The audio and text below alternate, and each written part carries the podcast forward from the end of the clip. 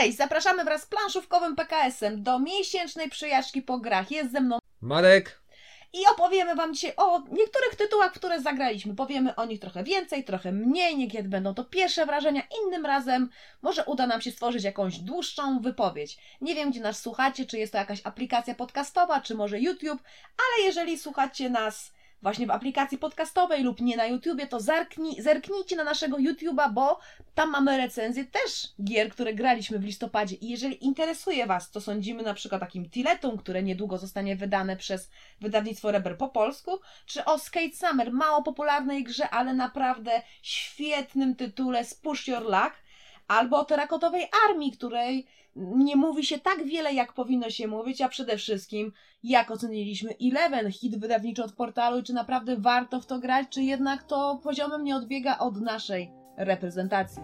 Zapraszamy Was na naprawdę niezłą i obfitą przyjażdżkę. Zacznijmy od tytułu, który zrobił stary, dobry dr Rainer Knizia, na którego gry czekało się kiedyś tak, jak czekało się na gry Uwe Rosenberga. Ja później trochę przestałam go obserwować, no bo były inne gry, dużo ciekawsze tytuły, no i uważałam, że trochę jego forma spadła, ale odkąd wydał Wiedźmą Skałę, wydaną u nas przez Rebel, no to uznałam, że jednak forma mu trochę wróciła i zaczęłam się przyglądać tym jego grom. No i dzięki Jacksowi, pozdrawiamy serdecznie, udało nam się zagrać w Mille Fiori. No i co my tam mamy? Zamknięty draft, area majority, pattern building, czyli układamy elementy gry w określone sekwencje, układy, dzięki czemu będziemy mogli mieć dodatkowe akcje, zasoby lub tam cokolwiek. No i tutaj mamy bardzo proste zasady. Dostajemy 5 kart w zamkniętym drafcie, wybieramy jedną, następnie pierwszy gracz ją zagrywa, rozpatruje, co zazwyczaj polega na tym, że dokładamy te diamenciki na planszę i coś tam się dzieje, dzieją się różne rzeczy. I na przykład będziemy dostawać punkty za skupiska diamentów na polach, albo za tam odpowiednio dołożone znaczniki, za zapełnienie iluś tam pól, albo jak najwięcej tych znaczników położyliśmy, albo najszybciej to zrobiliśmy. I tak sobie pykamy, pykamy, dokładamy i gra się po prostu toczy. Powiem, że grało mi się dość przyjemnie, wygrałam, więc było super.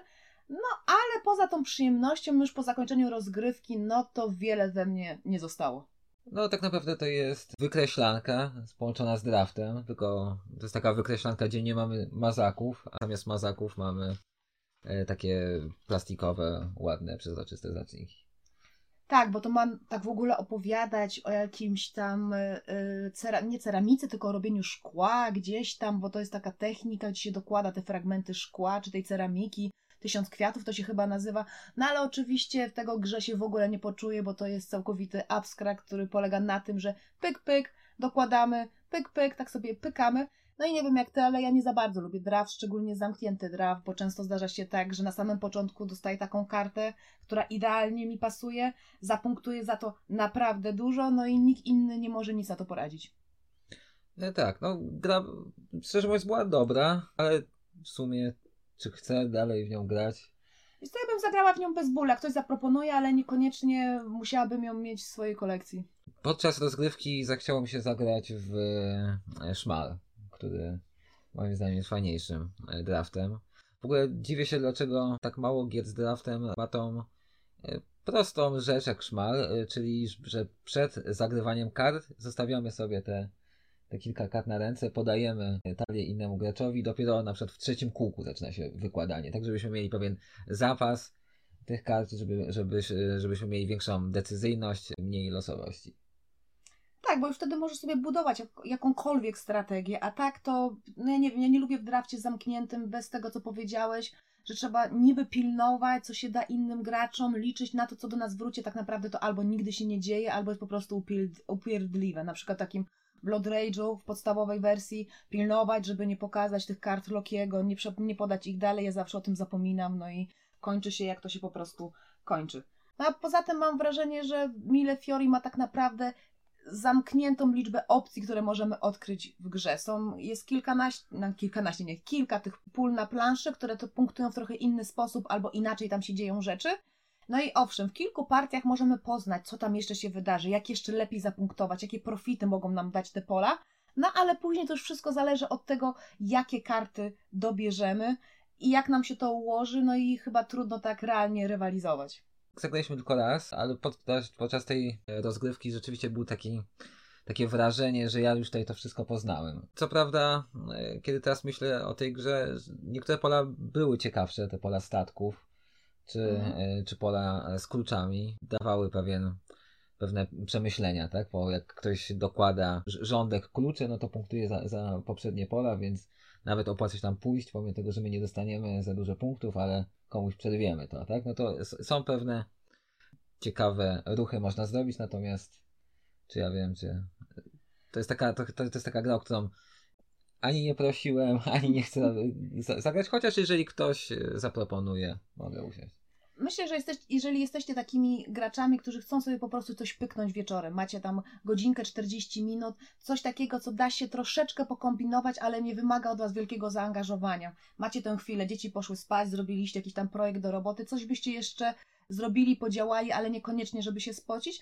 no to Mile Fiory się po prostu sprawdzi, bo bardzo łatwo ją wytłumaczyć, łatwo wprowadzić nowych graczy i można sobie po prostu pogać, ale jeżeli szukacie jakiegoś intelektualnego wyzwania, żeby zrobić coś więcej i ciekawiej i lepiej sobie pokombinować, to lepiej sięgnąć po inną grę knizi, którą udało nam się zagrać, czyli w Babilonie. Tak, chociaż y, no, tutaj myślę, że Knizia nie miał e, takiego celu, że w zrobieniu Mille Fiori, żeby jakoś przegrzać mózg. Zresztą w Świetnej Babilonie też takiego celu raczej nie miał, ale tam na pewno są ciekawsze momenty. Na pewno trzeba więcej wykminić, żeby wygrać tą, tę grę. No nie, dla mnie po prostu tam kombinowanie jest o wiele przyjemniejsze, no i wymaga ode mnie po prostu większego skupienia na grze, bo muszę zarówno myśleć o tym, co zrobię w, co zrobię w późniejszych turach, jak to wszystko połączę, ale też muszę zerkać na innych graczy, co oni tam będą sobie kombinować i czy nie lepiej na przykład zamiast punktować za jakieś miasto, to przerwać jednak ich ten łańcuch dokładanych żetonów arystokratów, który mógłby im tam dać naprawdę dużo punktów. I to jest właśnie dla mnie to ciekawe kombinowanie, bo Babilonia też ma bardzo proste zasady i reguły. Mamy tam kilka rodzajów żetonów, które inaczej się dokłada, no i trzeba po prostu zamykać miasta. No i później nam to punktuje. Ale po prostu żeby zrobić to dobrze, no to naprawdę trzeba się trochę pokombinować. Tak, ale w grze nie tylko kombinujemy przy zamykaniu miast, ale również y, przy zamykaniu ziguratów, które dają nam nowe zdolności, czy żeby wykorzystać naszych chłopów, których możemy dołożyć trzech, tak, jeżeli tyle uda nam się dolosować. Oni jeszcze punktują tam za dodatkowe płytki, tam pozwalają nam zdobyć 6-7 punktów, a także za każde miasto, które zdobędziemy, bo te miasta potem dokładamy i punktujemy za każdym razem, jak kolejne miasta są zamykane. Ja bardzo żałuję, że Babilonia nie miała takiego dobrego marketingu, bo Store Games zostało przyjęte przez portal i tak wszyscy tak do tej gry podchodzi, no po macoszemu, szybko trafiła na wyprzedaże, a naprawdę jest tego warta. Od razu mam skojarzenie z inną grą Rainera Knizi, z Samurajem i to jest jedna z moich ulubionych gier tego autora i naprawdę Babilonia chyba do niej dołączy. Nie wiem, czy będzie pierwsza, druga, który z nich to by było na jakim podium, ale bardzo blisko siebie. Mm, tak, również lubię Samuraja, chociaż ja wolę e, akurat Babilonię. Co prawda w Samuraju fajne jest podliczanie punktów na koniec, tak, ten, ten kto ma prze, przewagi w, w tych żetonikach, czy to e, czapek wojskowych, pól, czy jakichś tam mnichów. To jest akurat fajne. W Babilonie jednak e, punktujemy w trakcie rozgrywki. Jednak e, Babilonia wydaje mi się, że jest takim, z taką mocno skompresowaną zabawą. Szybko się kończy, ale też te nasze duchy dają wiele zabawy, więc jest tam naprawdę gęsto podczas podczas partii. Ale ja w ostatniej rozgrywce miałam takie wrażenie, bo ty bardzo dobrze grasz w Babilonie, że jak jeden z graczy trochę tam zagra aż za dobrze, no to bardzo szybko odsadzi innych graczy, będzie już zbierał te punkty do końca. Nie wiem, czy to jest, nie, chyba to nie jest jeszcze kula śnieżna, ale bardzo trudno już go dogonić. Nie wiem, być może my tak bardzo słabo graliśmy i ty po prostu jesteś mistrzem w tą grę, ale nie masz takiego wrażenia, że może dojść do takiej sytuacji? Nie, nie mam takiego wrażenia. E, tak naprawdę to jest gra która trwa ile? 30 minut. No to tutaj nie ma czegoś takiego, że odsadzę innych, innych graczy, a inni nie mogą mnie dogonić, tak? Taki, takie błędy może mają jakieś, jakieś gry e, euro, gdzie większe gry euro, tak, trwające, nie wiem, kilka godzin, gdzie mogę zrobić sobie jakiś silniczek, a inni gracze mogą sobie tylko mnie na mnie patrzeć.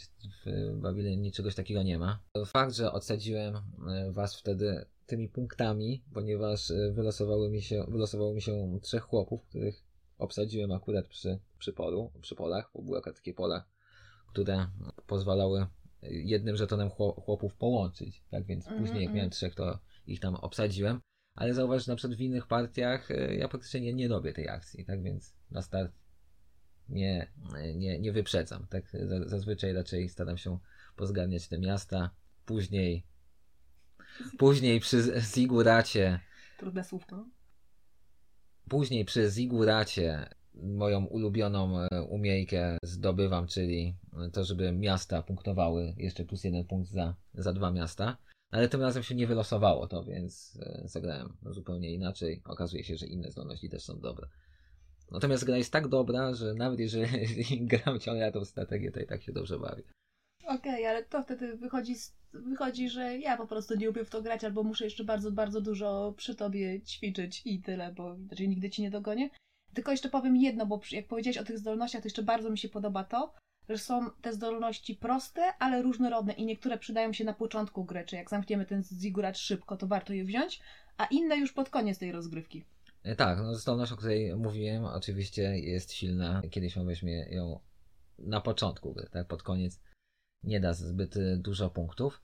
Ale tak, są te zdolności e, dla graczy, którzy lubią kombinować, czyli na przykład weź dodatkową turę, albo tacy gracze, którzy lubią raczej takie tempę teutońskie okrucieństwo, czyli dostać 10 punktów i tyle. To jest moje ulubione. Ja zawsze gram jak barbarzyńca i takie tempę 10 punktów zwycięstwa to jest to właśnie, co lubię. Już nie muszę się zastanawiać.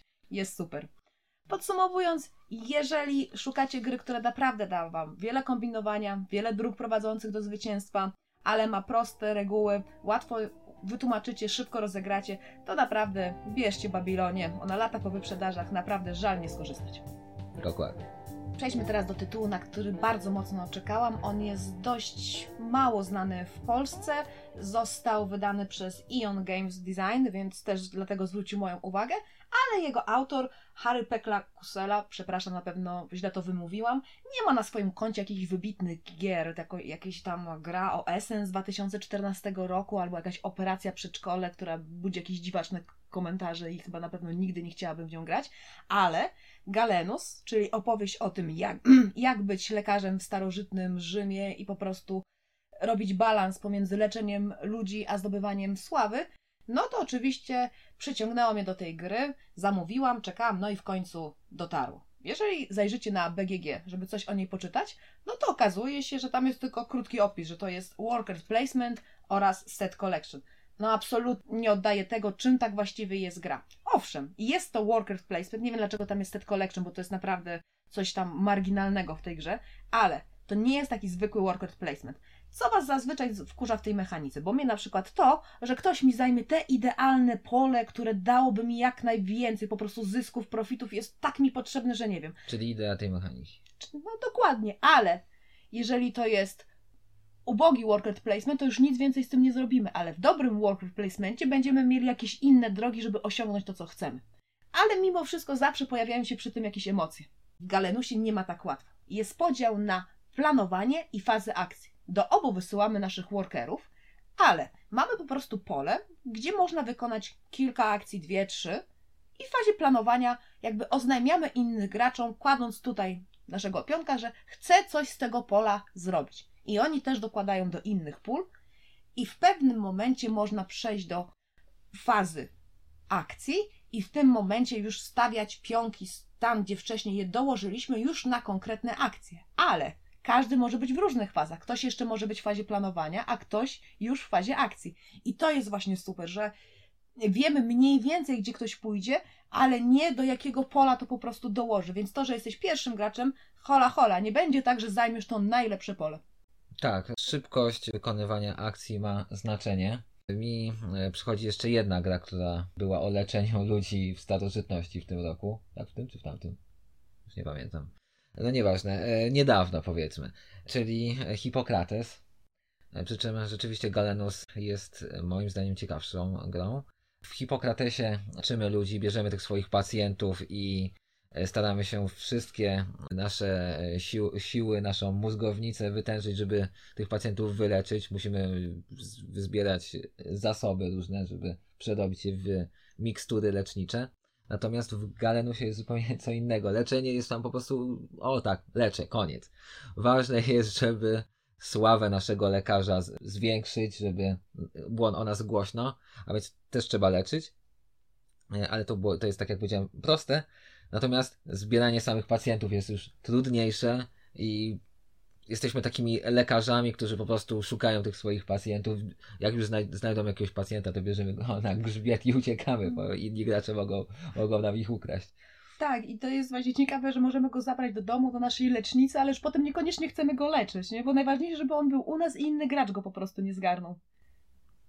Chociaż później może dać minusowe punkty, zdaje się, tak? tak. Jeżeli nie, nie wyleczemy. Więc jednak chcemy leczyć, ale, ale przede wszystkim chcemy zaszkodzić innym graczom przez, przez, przez podbieranie tych, tych e, pacjentów. Tak, ale co ciekawe, bo tutaj trzeba jeszcze zachować balans, bo trzeba niby ich tam trochę leczyć, bo będziemy mieli inaczej złą reputację, już nikt nie będzie chciał się u nas leczyć, będziemy zbierali mniej tych pacjentów. Trzeba dbać o sławę, bo wiadomo, w Rzymie im jesteś sławniejszy, tym lepiej. Ale jak masz za dużo sławy, to tracisz zdrowie, bo ludzie stają się zazdrośni i mogą ci wbić, jak tam było opisane w instrukcji, że chcą ci wbić nóż w plecy i jednak nie chcesz być za sławny. Tak. Ogólnie ten, ten, ten cały trakt tego naszego zdrowia, popularności e, i tak dalej jest, jest fajnie zrobiony, bo to wszystko na siebie oddziałuje. Jeżeli mamy czegoś za dużo, no to później coś tam nam maleje.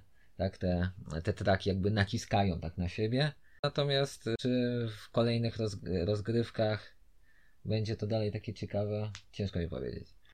Ja mówię, podkreślę jeszcze raz, dla mnie najciekawszym właśnie elementem jest to, że mamy ten podział na fazę planowania i fazę akcji, dzięki czemu ten, kto jest pierwszy, to nie zawsze musisz zgarnąć najlepsze rzeczy, może to po prostu źle sobie wszystko rozplanować, ale tego aspektu jakby leczenia i tak dalej, no właśnie, tu nie, ma, nie było tego za dużo. Jakieś tam opisy na kartach niby, że tam wycinam wątroby, usłonia i tak dalej. No, moim zdaniem w Hipokratesie było więcej tego, powiedzmy, medycznego, lekarskiego klimatu, bo tam jakby rzeczywiście byliśmy skoncentrowani na leczeniu tych pacjentów, ale z drugiej strony Hipokrates jako sama gra był już dla mnie w kolejnych rozgrywkach trochę powtarzalny i schematyczny. Trochę robiliśmy ciągle to samo, wszystko zależało od tego, jakie kafelki będą na tym rynku.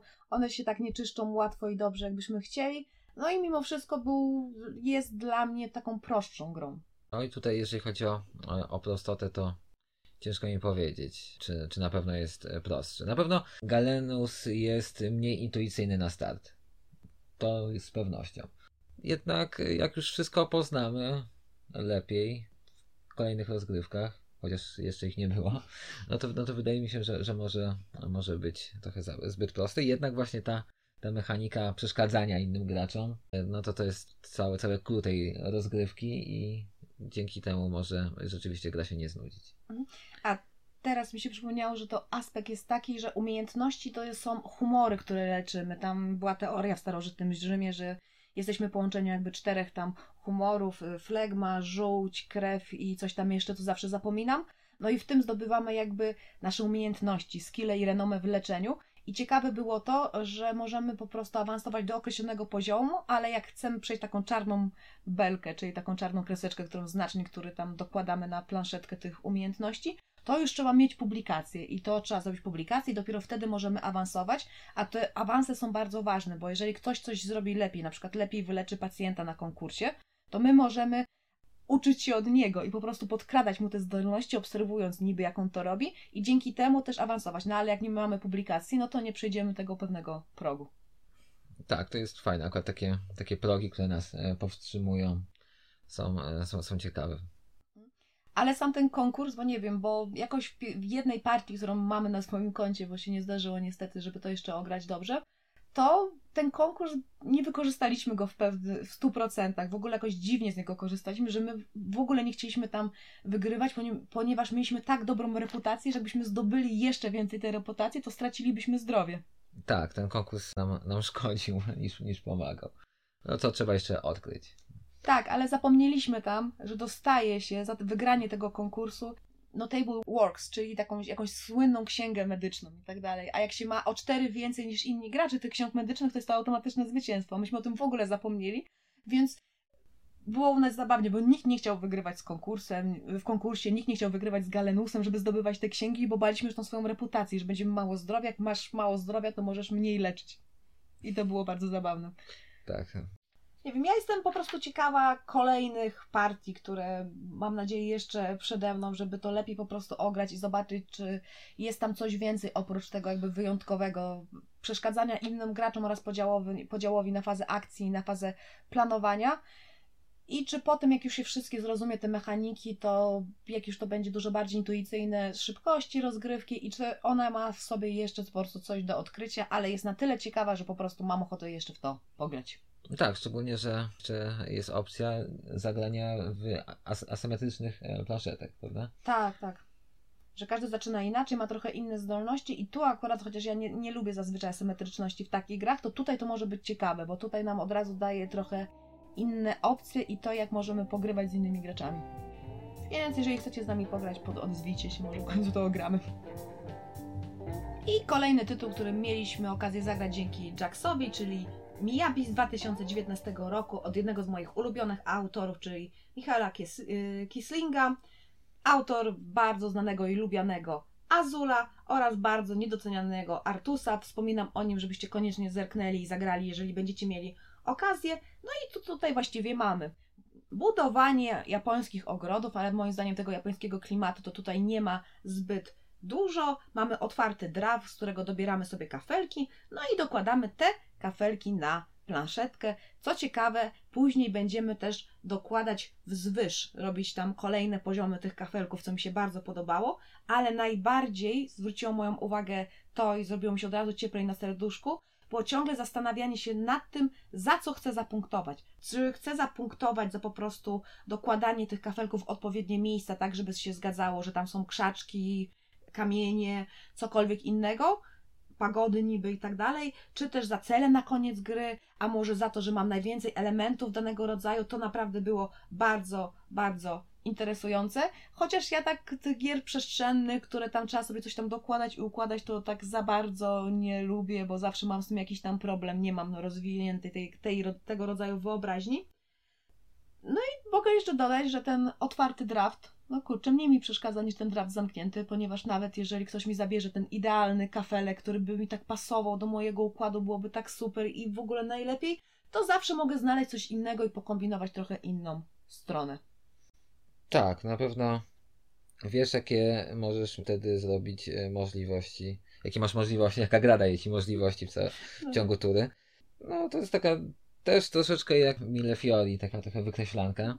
No taka gra, jakbym, jakbym był wydawcą, to ją reklamował, e, możesz zagrać czy to z małym dzieckiem, czy ze starym staruszkiem. Wydaje mi się, że albo jestem zbyt mały, albo zbyt stary, bo przegrałem w nią sromotnie.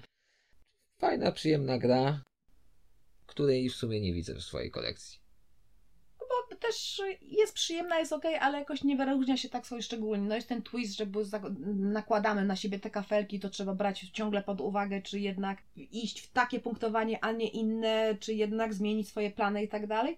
Ale właśnie, mogę z chęcią zagrać, wyłożyć na stół, ale niekoniecznie muszę mieć swoje kolekcje i ogrywać ją w nieskończoność, bo chyba tego tak się nie da. No i tutaj też zdobywa się strasznie dużo punktów, można 200-300 punktów zdobyć i to jest takie żmudne i monotonne. Tak, a jak się y, nie załapie idei gry, to można zrobić jakieś nędzne sto. Tak, widzę, że dalej Cię to boli, ale jak się już załapie ideę tej gry, to nie wiem, czy jest tutaj aż tak dużo do odkrycia. Do, porównując to z Azulem, którego można po prostu zagrać 7 razy z rzędu, to tutaj tego po prostu nie widzę. Nie powiedziałbym to w taki sposób, bo jednak w Azulu może strategia to za dużo powiedziane, ale pewien układ, który należy robić na początku, widać już po jakichś, nie wiem, dwóch, trzech rozgrywkach, co należy e, zrobić. No ja wam nie będę tego mówił, żebyście sami odkryli. Jednak w Azulu e, sama ta rozgrywka tak jakoś e, miło po prostu idzie, tak? To jest jakby obcowanie z grą jest przyjemniejsze.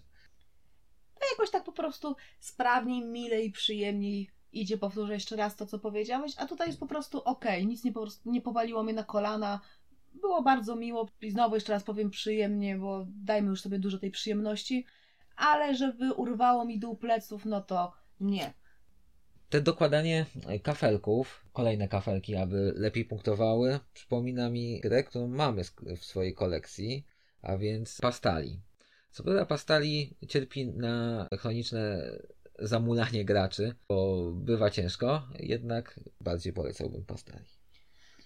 Tak, ale to już jest po prostu dla mnie kilka klas wyżej, jeżeli chodzi o poziom przestrzennego ogarniania. To jest gra przede wszystkim dla trzech graczy. Jeżeli gracie tylko albo przede wszystkim w takim gronie, to naprawdę polecam. Ale tam, jak ja muszę połączyć w mózgu te wszystkie po prostu linie, które pojawiają się na planszy i tak dalej, no to sprawia, że to wygląda tak, że siedzą trzy osoby i mulą, myślą, gdzie to jest i tak dalej, gdzie to należy położyć w ten najlepszy sposób. Ja tak, najlepsze jest w tej grze to, że masz błysk w mózgu, o wezmę sobie ten kafelek i dołożę, ale nagle spojrzałeś na inny kafelek i tak zamulasz, zamulasz, zamulasz, zamulasz, nagle tak, położę ten drugi, położysz drugi i okazało się, że dzięki tobie będą punktować inni gracze, a nie ty. Tak, i to są te miłe momenty, których mamy ochotę po prostu zapłakać nad swoim rzewnym losem.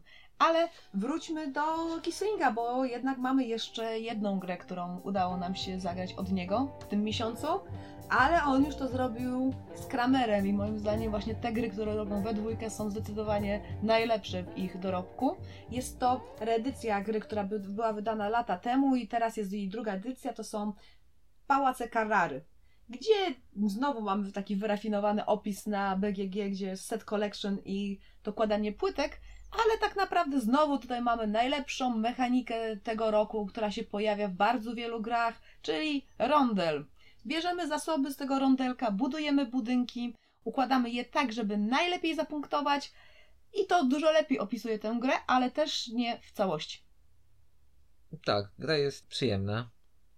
Bardzo e, mnie zdziwiło to, że na początku graliśmy na e, zasadach podstawowych, później przeszliśmy na e, zasady zaawansowane i przeskok jest naprawdę spory. Tak, mnie te zasady podstawowe tak strasznie rozczarowały, a wiecie, Kissing i Kramer zazwyczaj mnie nie zawodzili. Każdą ich praktycznie grę, którą grałam, to lubię bardziej, mniej i tak dalej, a tutaj nagle, łe, to tyle i naprawdę nic więcej już nie będzie. No tak myślałam, czy to będzie pierwsza gra od nich, którą sprzedam, a potem przeszliśmy na te zasady zaawansowane, gdzie dokłada się oprócz budynku, dokłada się jeszcze tam pomniki, dodatkowe tam symbole, no to już się w końcu zrobiło dobrze. I wiecie, to jest taka gra, w której najważniejsze jest nie do końca to, co budujecie, ale w którym momencie zapunktujecie, bo jak ktoś odpala punktowanie, to jest tylko jedno punktowanie za dane miasto, za co tam dołożyliście. Jak ktoś, kto pierwszy, ten lepszy, nikt już więcej za to nie zapunktuje, więc trzeba to zrobić w określonym, tym idealnym momencie. Ale też, jeżeli w ogóle nie włączymy się do punktowania, bo nie musimy punktować, nawet nie możemy za to samo, akurat w przypadku miast, to możemy sobie tam dołożyć ten pionek punktujący nasz gdzieś indziej. Ale jeżeli jesteśmy nieprzygotowani na to, że ktoś może odpalić punktowanie, no to nie dostaniemy bonusu, w ogóle nie zapunktujemy. Tak, znaczy, te punktowanie możemy prze, e, przełożyć na jakiś tam odległy czas, tak? Ten, ten, ta nasza kolumienka punktująca nam nigdzie nie zniknie, ale bonusu już niestety nie dostaniemy, a w rozgrywce zaawansowanej to bonusy mogą Wam uratować życie. Ale nie wiem, czy ten kafelek punktujący za te zielone miasta, których jest mniej, na które Ty zawsze grasz, nie wiem, czy to nie jest trochę OP. E, powiedziałbym tak, ten kafelek, który daje punkty za zielone miasta razy 3, tak, za, za, za tą, nie wiem, siłę powiedzmy, punktujących miast razy 3. Jest strategią wygrywającą OP super najlepszą, jeżeli inni gracze nie umieją grać. Ja akurat grałem z takimi graczami, którzy nie potrafią grać i rzeczywiście miałem e, dużo więcej punktów niż oni. Dlaczego nie potrafili grać? No bo nie, nie budowali zielonych budynków. A co dają zielone budynki? Punkty ja się wytłumaczę, nie wiem dlaczego to zrobiłam. Zazwyczaj przy pierwszej rozgrywce nigdy nie wygrywam z Markiem, a jeżeli mi się to uda, to jest to przypadek, albo już tak z nim wygram, że już więcej nie zagramy w tą grę. Jak w Teotihuacan, gdzie go zdublowałam i już nigdy więcej w to nie zagraliśmy ale zazwyczaj już jak zauważę, w co on stara się iść, to potem staram się to jakoś blokować i tak dalej, a nie wiem w ogóle czemu. Nie chciało mi się iść te zielone budynki po raz drugi, chociaż wiedziałam, że Marek to będzie robił już druga runda wiedziałam, że znowu robi to samo i że powinnam zrobić ten ruch, żeby zabrać ten zielony budynek, jakikolwiek. Ale nie, poszłam zupełnie co innego, co też mi dawało sporo punktów, Ale oczywiście z Markiem nie wygrałam. Inni gracze grali chyba po raz pierwszy, więc nie widzieli w ogóle, że jest taka opcja i dopiero to odkrywali. A nie, oni grali Nie, wie w grę więcej, w ogóle to nie widzieli. Okej, to nie jest tylko moja wina, dobra, super. No i tak to się z nami gra czasami. Tak, graliście trochę żenująco. Super, dziękuję. Dobra. To ja powiem jeszcze jedną rzecz. Zanim wyproszę Marka z tej rozmowy, bo takie robi mi nieprzyjemne komentarze. Chcę zaznaczyć, że Game Brewer, czyli oryginalny wydawca, naprawdę robi straszne rzeczy. Wydaje wersje super deluxe, kickstarterowe, niby, które są o 200-300 zł droższe, no może to trochę hiperbolizuję, ale tak naprawdę nie są takie już super pod względem komponentów i ja na przykład płacę kararę kupiłam zwykłej retailowej wersji i to mi jest dla mnie całkowicie wystarczające jak na takie euro i tendencja, żeby odpicowywać nie wiadomo po co takie euraski, dlatego żeby zdobyć i wyciągnąć więcej kasy, no to jest naprawdę coś, co nie polecam, daje minus, łapkę w dół i nie powinniśmy iść w tym kierunku, żeby płacić jeszcze więcej, jeszcze więcej za y, gry, bo to naprawdę idzie w dość niebezpieczną stronę. Jakie na przykład gry? Te, co wydaje właśnie Game, Jaką na przykład? na przykład wydał y, Strogonowa Hipokratesa. E, no tak, ale to, to były ich wtopki, rzeczywiście, ale na przykład sobie przypomnij o grę, którą teraz wskazuje ci palcem, a nasi O, słuchacze uwaga. nie słyszą. Gugong, tak, Tak, gu... no Gugong jest napra- naprawdę świetnie wydany. tak, ale w Pałacach Carrary tam nie było zbyt dużo... Znaczy, no powiedzmy sobie szczerze, no Gugong też nie musi być tak, dodane, żadna gra nie musi mieć mięci- mięciutkiego, jakiegoś tam, nie wiem, satynowego, czy atłasowego, czy jak to tam się nazywa, ten materiał, pudełka, tak? No ale No dobra, zawsze przyjemniej mieć coś takiego, no ale no to naprawdę chciałbyś mieć w Pałacach Carrary jakieś rzeźbione kolumny z gipsu i tak dalej.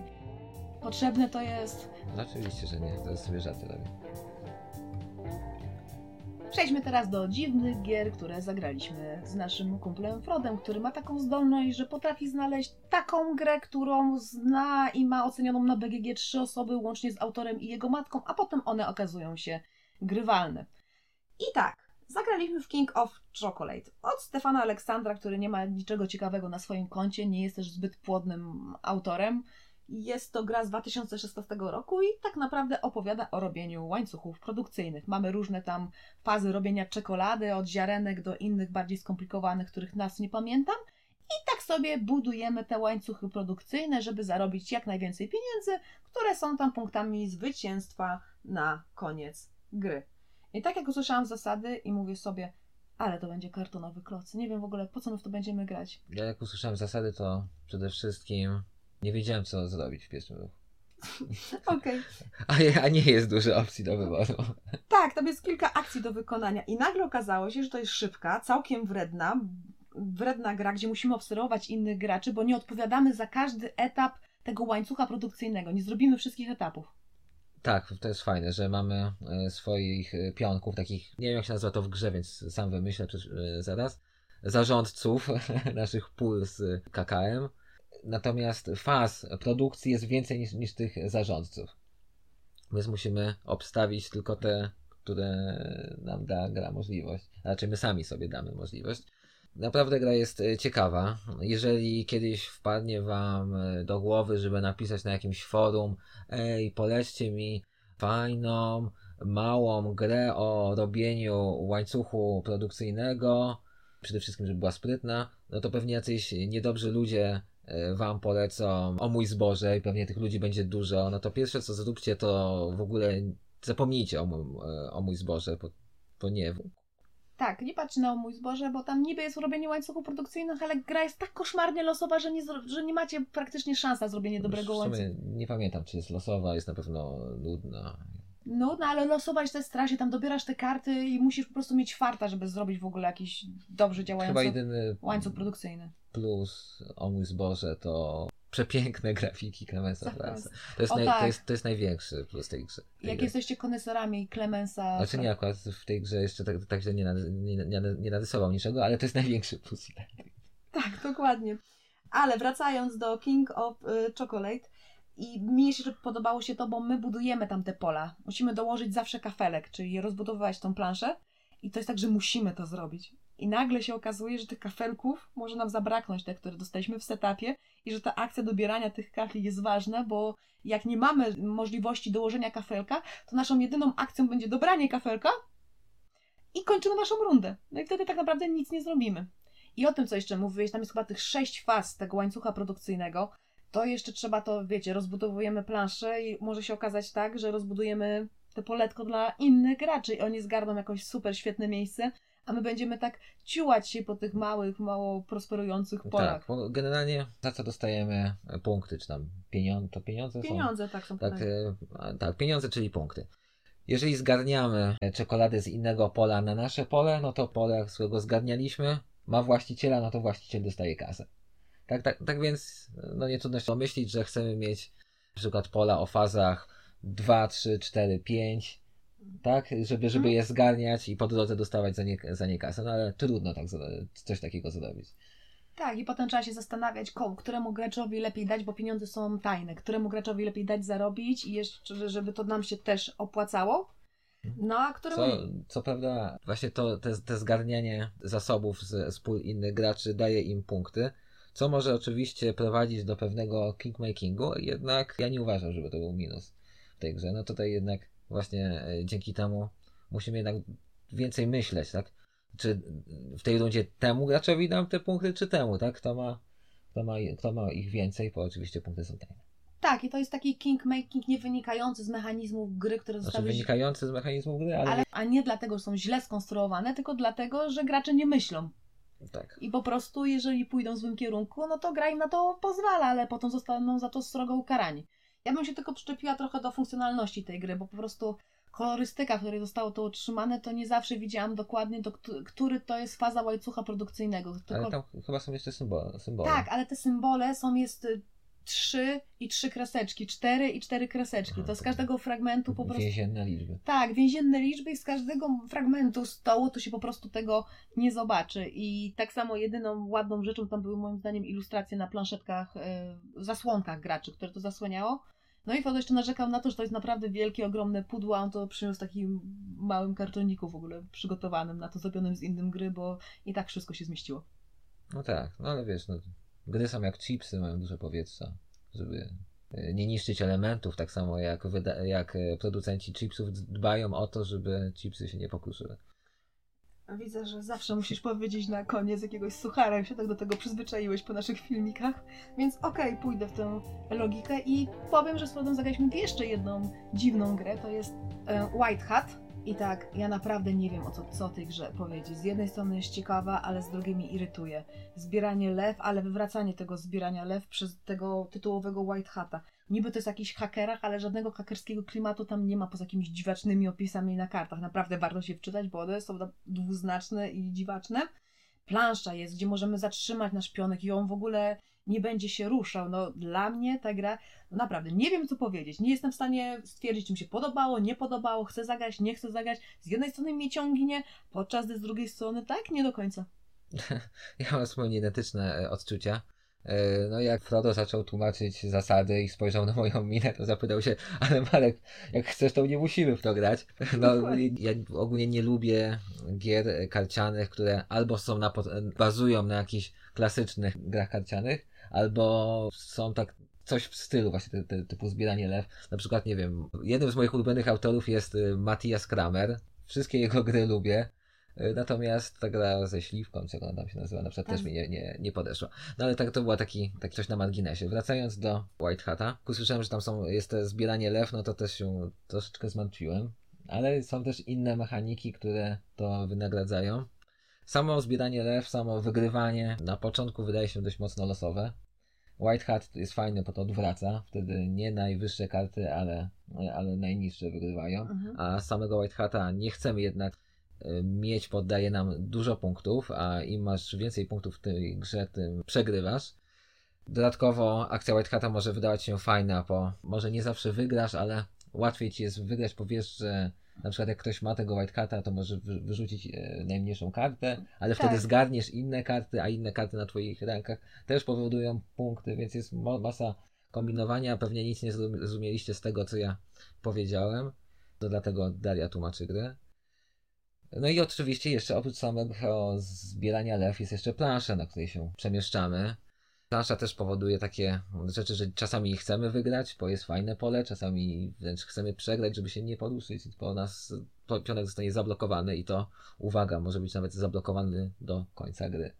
Tak, i jeszcze dodam, że ten white, wszyscy wiedzą, kto ma White Hata, więc te wszystkie rzeczy, o których mówił Marek i to bardzo dobrze, no, wszystko jest przez to przefiltrowane, że mamy trochę wiedzy, trochę niewiedzy, ale w ogóle jeszcze Frodo opowiadał, że tam jest pełno jakichś modułów, które zmieniają tą planżę i to nie są jeszcze wszystkie zasady, tam chodzą tak. kolejne, kolejne te, rzeczy. Te, te pokoiki, czy tak. programy, nie wiem co to było. Generalnie kafle, na których się poruszamy, mają dużo zdolności, można je wymieniać i budować własne te plansze. Nie wiem, temat byłby lepszy, gdyby to było, nie wiem, o seryjnym zabójcy, który nas zamknął i musimy się wydostać z pomieszczenia. No, możliwe. Chociaż na przykład ten Android Netrunner jest popularną grą, więc pewnie, pewnie na tym bazowali, że, że ludzie zobaczą, o, kolejna gra o hakera. Nie wiem, co powiedzieć, dla kogo jest ta gra, bo nawet nie wiem, czy to jest gra dla mnie i jak już wspominałam, trochę mnie ciągnie, trochę mnie nie ciągnie, ale myślę, że po tym, co teraz właśnie porozmawialiśmy, to znowu dobra ochotę, żeby w to zagrać. No, bo to była ciekawa gra. Nie wiem, czy dobra, nie wiem, czy mi się podobało, ale rzeczywiście też Może... chciałbym zagrać, chociaż gra o czekoladzie bardziej mi podeszła. Chociaż też była trochę bardziej zwyczajna. Można powiedzieć jak e, Makłowicz o burgeru Drwala z McDonalda, że to na pewno było jadalne, ale nie wiem czy dobre. I ta gra była grywalna, ale jeszcze nie wiem czy dobra. Na pewno była ciekawa. Tak grywalna to za mało powiedziałaś. Była ciekawa. Okej, okay, chciałam być jak Makłowicz, ale pozostałam Darią. Tytuł od Uwe Rosenberga, którego naprawdę nie trzeba przedstawiać i jak wspomniałam na samym początku tej naszej pogadanki, na te jego gry czekało się z takim wytęsknieniem i każdy wiedział, że będzie dobra, a teraz niestety można powiedzieć tylko to, że powinien zakończyć na... Patchworku? Boże, dla Boże, tam Le Havre i Agricoli już niczego więcej nie musiał robić, bo no niestety to zaczyna być coraz bardziej odcinanie kuponów, mieszanie tych mechanik, które wymyślił, zwłaszcza tam po patchworku, tych tetrisowatych rzeczy, co w uczcie do Odyna przyniosło jakieś takie monstrualne wymiary, łącznie z odkrywaniem od samego początku 36 akcji do wyboru. No, ale Activa wydawała się mi na pierwszy rzut oka dość ciekawa. Układanie swojej wioski, dbanie o nietoperze, które można zjeść i to jest niebezpieczne w dzisiejszych czasach. Tak, wizualnie wygląda jak coś ciekawego. Jak grali gracze, kiedy jeszcze gry nie poznaliśmy, stoi ich mhm. obok, ja usłyszałem coś tam, ojej, będziemy się żywić, tyle trzeba pożywienia. Pomyślałem sobie, o, znowu stary dobry Uwe. Później mhm. jak usłyszałem zasady i zobaczyłem, ile tego pożywienia trzeba mieć, to, no, to znowu tak pomyślałem, no a w trakcie rozgrywki okazało się, że nie, to nie jest niestety stary dobry Uwe. Jeżeli, tak jak właśnie Daria przed chwilą powiedziała, uważacie, że święta super trójca Rosenberga to Agricola, e, Le Havre oraz Ora et Labora, no to możecie sobie podziękować. Tak, i niestety to mnie bardzo rozczarowało, bo to powrócił Evil Uwe, który jednak już nie robi takich wymagających, skłaniających, zmuszających do myślenia gier, tylko to jest takie właśnie pykadełko z pychadełką. Można sobie pyknąć ale po co?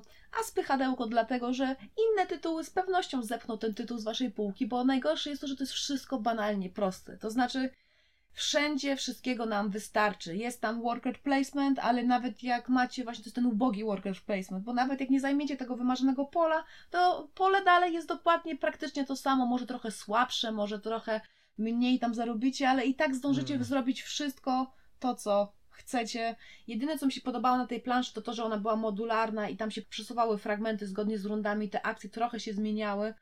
No ale to po prostu ta gra dla mnie gra się sama, bo po prostu jak wybudujemy drzewko, to ono coś nam daje. Owocki. Jak mamy tam owocki, to mamy nietoperki. Jak nietoperki dają nam znowu coś i ta planszetka się cały czas rozwija i to jest niby przyjemne ale jako, że się rozwija, no to potem znowu tam do niej wkładamy coś i to cały czas się gra, na wszystko nam wystarcza, nie ma żadnego wyzwania. Marek wygrał tylko dlatego, że miał więcej nietoperzy i dało mu to więcej punktów. Nie, nie do końca, bo nietoperze później jak już ściągnąłem te wszystkie swoje drzewka, to tak nie były za bardzo przydatne. Tak, ale za to dostałeś dużo punktów. No i co jeszcze więcej można o tym powiedzieć? Można pyknąć, tak pyk, pyk, ściągam drzewa, wow. Generalnie gra jest dość mocno upierdliwa. czułem się jakbym przebierał jakieś owoce, nie wiem, czereśnie, czy śliwki, czy co tam się przebiera. Bo ciągle trzeba ściągać z tej planszetki, później kłaść na tą planszetkę. No po co?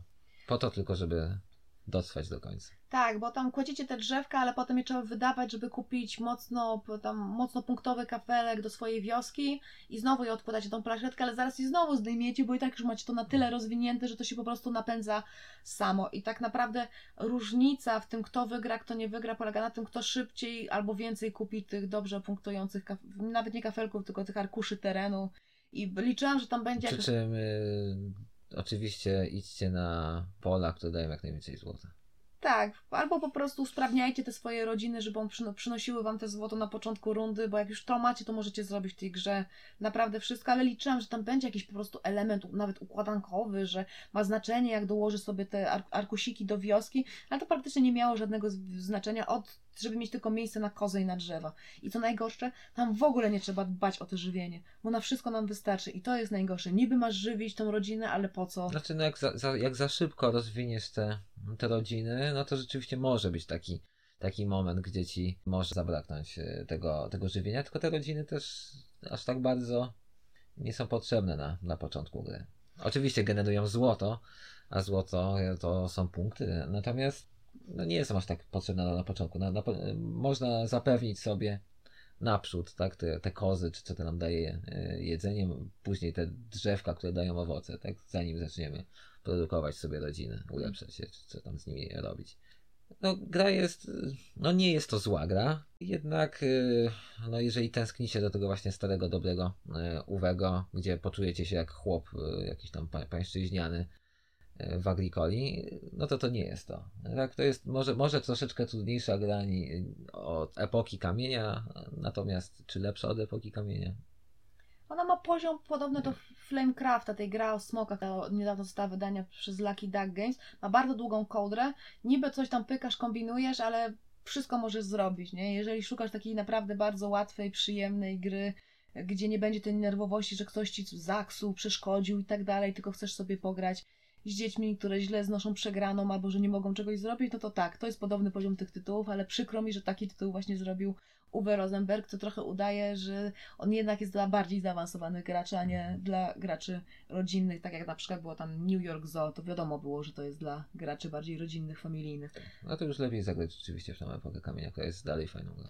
Tak, dalej fajną grą jest o wiele bardziej przyjemniejszą, bo tutaj już od piątej rundy to za długo jeszcze trwa, to jest szybkie i tak godzinę, ale już w piątej rundzie ja właściwie miałam wszystko zrobione i nie miałam niczego do roboty, to tak. się w piątej rundzie... A to, to jest takie właśnie irytujemy to w takich grach, które zbyt długo się kończą, bo rzeczywiście w tych pierwszych ruchach była taka lekka rozkminka, co tutaj zrobić, co tam, o, wydaje się, że będzie to takie ciężkawe nawet, no a później nagle coś pykło, strzeliła gumka i nagle... I mogę, mogę wszystko. I mogę wszystko. Gdyby chociaż te dwie rundy mniej ona trwała, to by naprawdę była o wiele lepsza. I teraz ja, wasz konferencjer, zapowiem kolejny tytuł, który wyciągnęliśmy z naszej szafy. Był trochę zakurzony, ale jakoś nagle mieliśmy ochotę w niego zagrać. Są to bohaterowie wyklęci od Adama Kwapińskiego, którego na pewno nie muszę przedstawiać, bo z pewnością coś, jego jakiś tytuł graliście, czy to był Nemesis, czy Lord of Hellas, czy ostatnio wydana przez Rebel Terakotowa Armia. Którą polecamy. Zdecydowanie. I stworzył go razem z Michałem Sieńko, którym też stworzył najlepszą moim zdaniem grę, którą graliśmy dotyczącą historii Polski, to jest Sigismundus Augustus, Rei Gratia Dei Polonia która była dawno, dawno temu wydana przez fabrykę gier historycznych i naprawdę powinna doczekać się reedycji, bo jest bardzo dobrą grą, którą chciałabym grać częściej. Ale teraz wyciągnęliśmy bohaterów wyklętych, którzy są semi-kooperacją. To znaczy, wcielamy się w bohaterów wyklętych. Teraz wszyscy już mówią żołnierze wyklęci, bo myślę, że oni nie trafili się trochę za wcześnie tę grę wydali, bo w tych czasach to jeszcze nie był aż tak nośny temat jak teraz. A mi się wydaje, że chyba właśnie wtedy, wtedy był. Nie pamiętam, Myślę, co, co było w tamtych czasach. Pamiętamy tylko tytuły, w które graliśmy i resztę sobie wycinamy z mózgu. E, dobra, wracając. To jest semi-kooperacja, czyli wcielamy się w bohaterów, żołnierzy wyklętych, którzy będą robić różnego rodzaju misje przeciwko władzy perelowskiej, ale jak już wspomniałam, to jest semi-kooperacja, więc niby robimy wszystko wspólnie, ale może pojawić się karta zdrajcy i w tym momencie, no, chcemy jednak trochę pod, podkopać tę działalność e, owych żołnierzy, no i punktować za to jednak, że misje będą nieudane, a nie. Tak, i to jest całkiem spoko. Taki, e, być takim e, szpiegiem w jednej rundzie. Tak, bo to się zmienia za każdym razem. Nie zawsze, nie jest tak, że zawsze jesteśmy tym złym badasem, tylko to się co rundę i to co rundę tam się to zmienia. Tak jest. No, gra jest w porządku.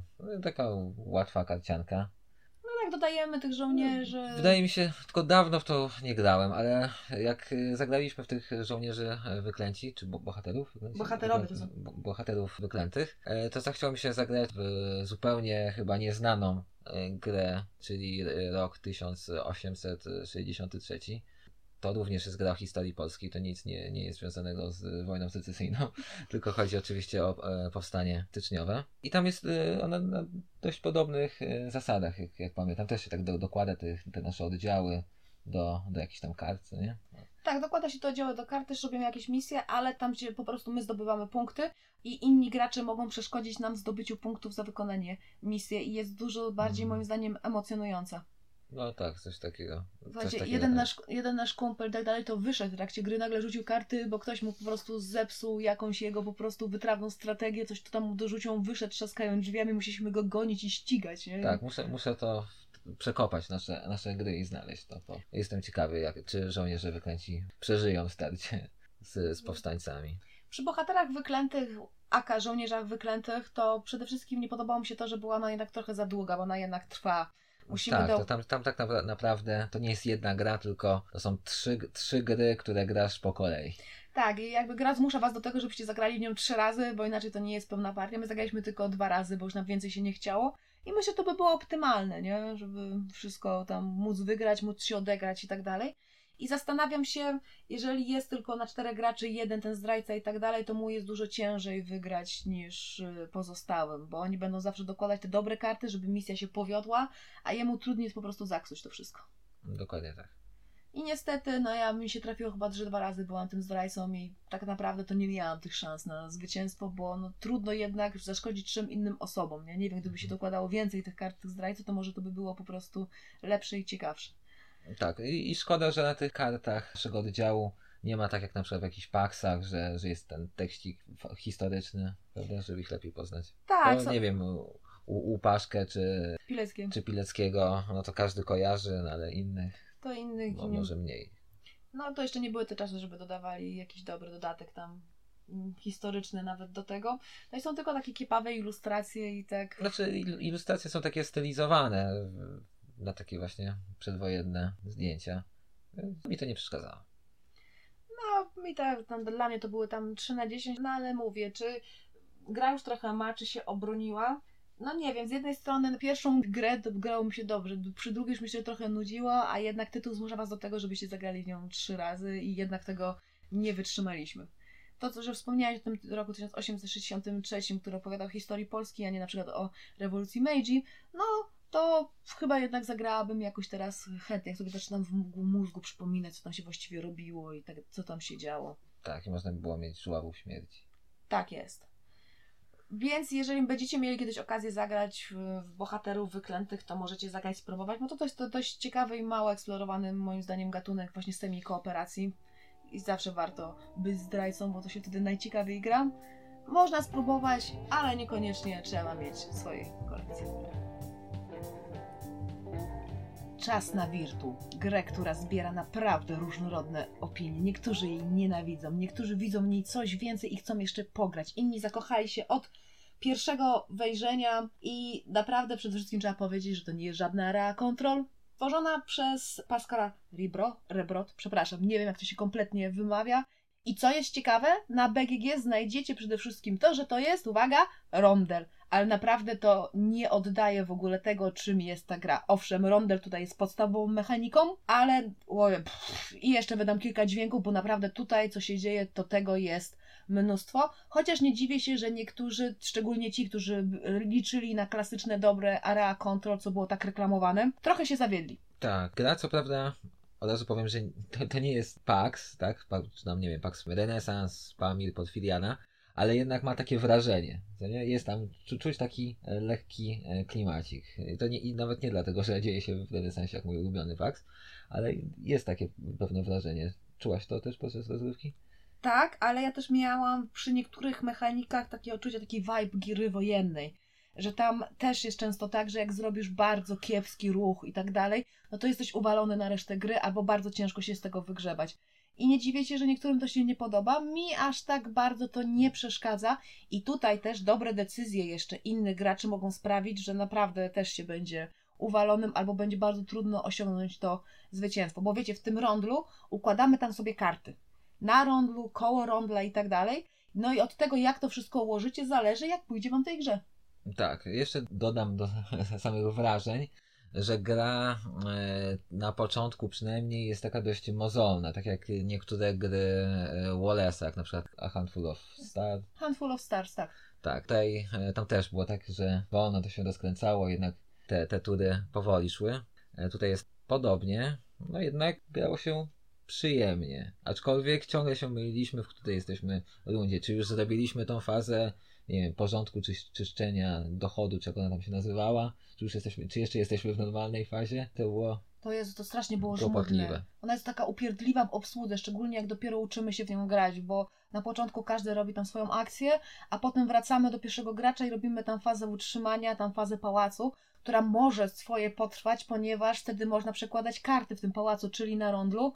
No i niektórzy się często mylili, niektórzy dopiero co układali te karty, a ktoś inny wykonywał akcję i to jest strasznie takie no nieprzyjemne w obsłudze i gra swoja też trwa. No i tak jak wspominałam, najlepiej do tego mieć stałą ekipę, którą będziecie ogrywać ten tytuł, uczyć się go, będziecie w miarę na równym poziomie, bo tutaj naprawdę jak ktoś lepiej gra, to łatwo odsadzi innego gracza, który się dopiero zaznajamia z wszystkimi mechanizmami, mechanikami i tak dalej.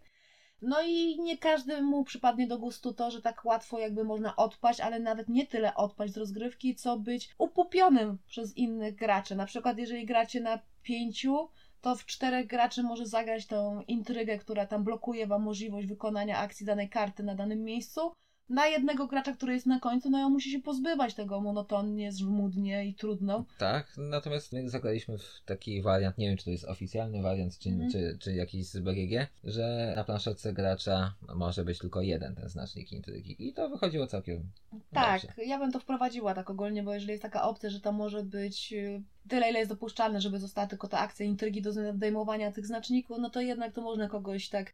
No to jest najbardziej opłacalny ruch. Jednego upupić i wtedy reszta sobie tam gra, no ale to No nie, ale to jest nie, nie fajne. nie, nie fajne, nie fair, nieprzyjemne. A tak więc z tym wariantem, że może na planszetce być tylko jeden ten znacznik intrygi, gra się naprawdę dobrze. Mi się jeszcze nie wiem, e, czy gra mi się bardzo podoba, ale ta pierwsza rozgrywka podobała mi się. Rzeczywiście, pomimo tego, że przegrałem, czułem satysfakcję z rozgrywki. Ona naprawdę jest oryginalna. Niby te wszystkie mechaniki, które tam są, one są już znane i tak dalej, ale one są tutaj podane w taki sposób, że naprawdę wychodzi z tego inne doświadczenie planszówkowe. Choćby to, że usprawniamy rondel w ten sposób, że dokładamy do niego karty, albo jako tą akcję główną, albo poboczną, która tam wzmacnia. I to, co mamy z tych kart, powoduje, że mamy lepsze te akcje, ale co ciekawe, można się nawet, można to tutaj zrobić wszystko w tym sensie, że można nawet się pozbyć jakichś akcji. Co też oczywiście może nam przynieść negatywne konsekwencje, ale jeżeli. Ale też może plusy, tak? Tak. Jak mm, może s- jakąś inną akcję, akcję zastąpić akcją dającą walkę, tak? I dwa razy z rzędu to, to, to wykonać Mhm.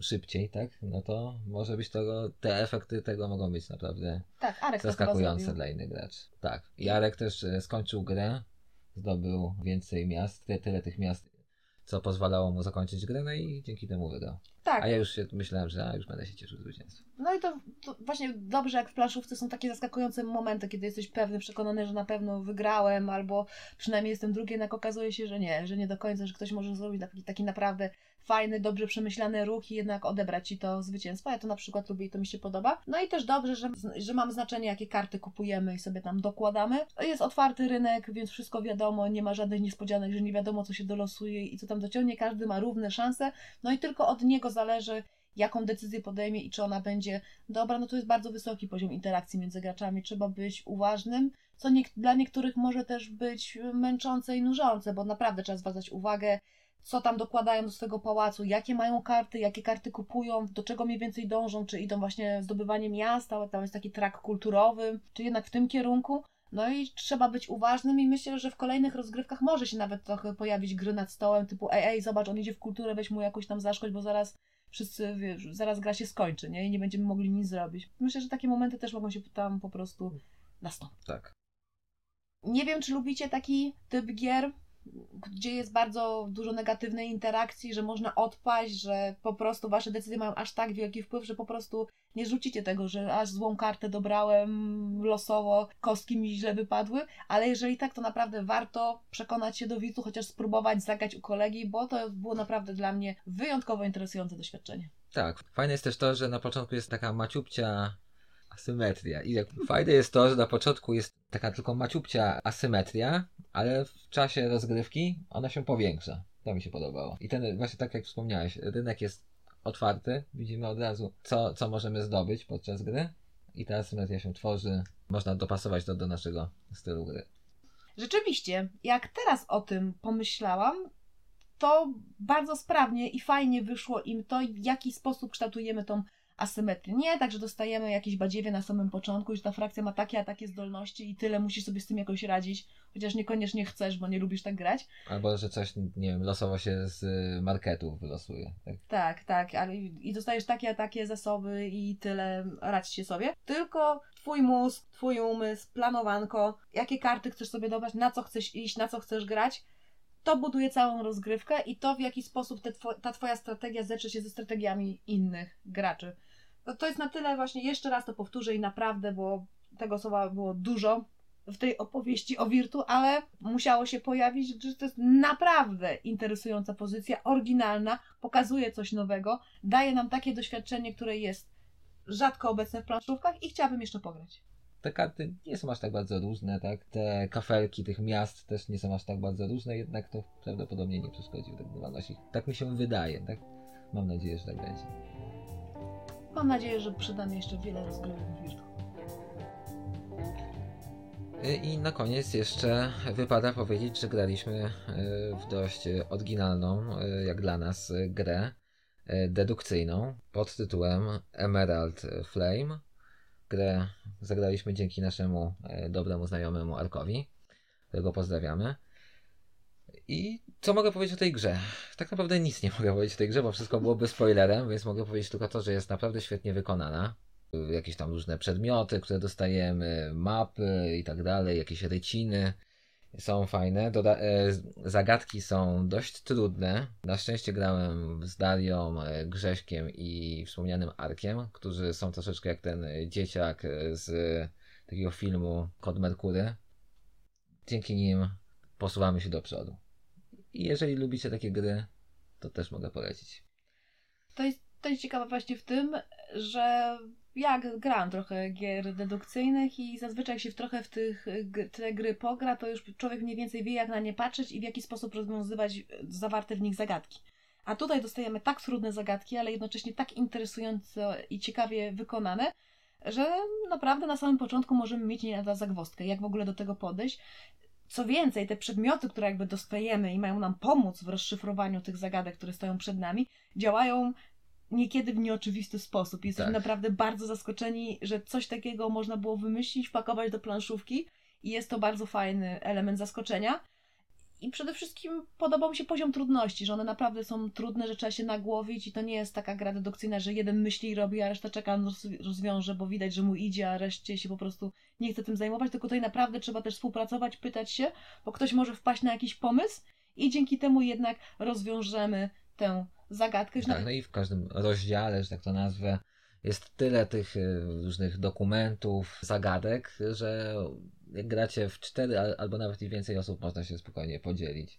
Tak, i nie ma tak, że jeden, właśnie jak mówiłam, jeden robi, a reszta się nudzi, tylko tak, trzeba na... przed ramię, przed ramię. Tak, jednak trzeba się podzielić, bo inaczej no, nie popchniemy tego szybko do przodu. My nawet dzielimy sobie jedną, powiedzmy, przygodę na dwie części, bo już po dwóch godzinach jesteśmy wymęczeni trochę, już nie chce nam się tak. myśleć, ale Warto. Właśnie ten podział jest dobry w tym taki, że jak już zaczynasz jakąś e, zagadkę, jakiś e- element tej układanki, no i już jesteś trochę zmęczona, no to mówisz e, znajomemu, że no dobra, wydaje mi się, że to będzie tak, tak, tak, ale już mam zmęczony umysł poposować tym, tym swoim świeżym, no i on rzeczywiście, tak jak ze słoikiem, tak, ty się siłujesz, nie otworzysz, ale coś tam ruszysz, podajesz komuś i on otwiera. Tak, to jest jedna z najlepszych gier dedukcyjnych, w jakie grałam i mam nadzieję, że utrzyma poziom do samego końca.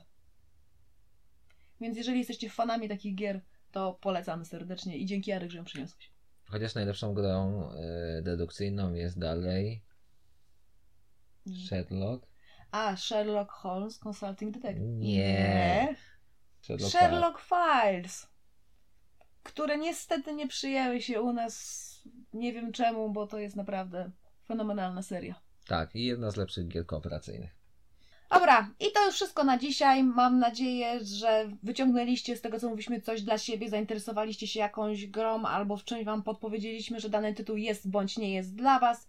Przypominam, że jeżeli macie jeszcze ochotę zobaczyć, co sądzimy o naszych innych grach, które zrecenzowaliśmy w tym miesiącu, to zapraszam na nasz kanał na YouTubie i do zobaczenia w następnym odcinku.